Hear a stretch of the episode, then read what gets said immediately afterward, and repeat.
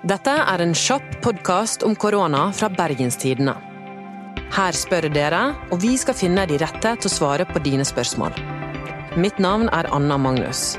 Men først, dette vet vi torsdag formiddag 12. mars. Det er over 687 koronasmittede i Norge. I alt er 39 personer bekreftet smittet i Bergen, og tallene øker. Tidligere i dag var jeg ute og gikk i Bergen, og her traff jeg Leif. Jeg lurer jo på hva som er spesielt med koronaviruset i forhold til andre virus. Og eh, hvorfor blir det så eh, mye, mye blest rundt det her? Jeg fikk kontakt med professor Birgitta Aarsjø på Klinisk institutt 2 på Universitetet i Bergen for å svare på Leif sitt spørsmål. Ja, det är Birgitta här. Hei, Birgitta. Det er Anna som ringer. Ja, hejsan.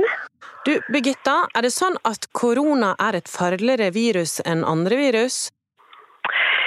Nej, man kan inte säga att virus är principiellt generellt farligare än andra virus.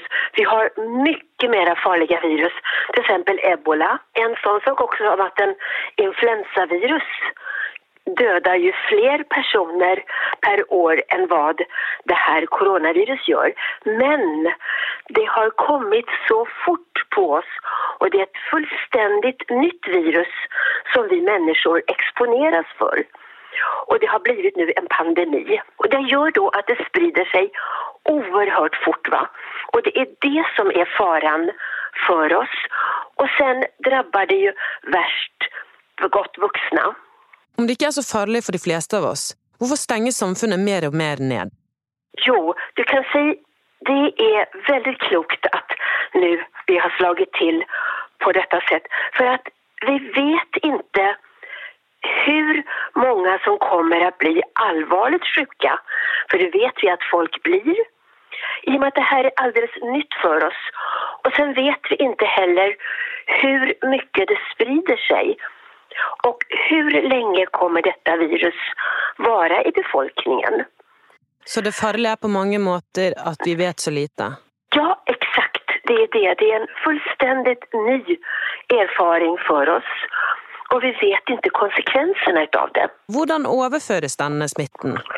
Ja, det är genom eh, kontakt. Alltså hosta och nysa, saliv, spytt och att vi dels står och, och, och snackar och om man liksom har det, men också att vi handhilsar.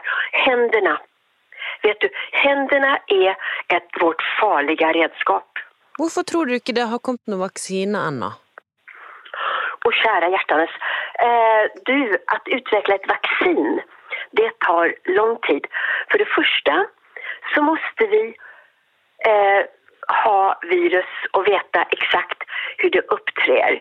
Vi måste se vilka sorts antistoffer som binder till virus och sen är det att skapa detta vaccin. Och sen måste vi ha dyr och testa det på eller någonting sånt. För att vi kan inte bara säga att så här kan vi göra ett vaccin och så går vi ut och vaccinerar folk hoppsan hejsan. Det kan få enorma konsekvenser. Vi har ingen aning om hur det verkar. Tusen takk, Birgitta. Ja, så fint. Det var bare hyggelig. Hei. Vi er tilbake i måneden med et nytt spørsmål.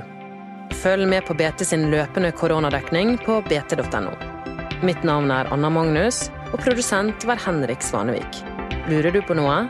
Send meg en e-post på anna.magnus.bt.no.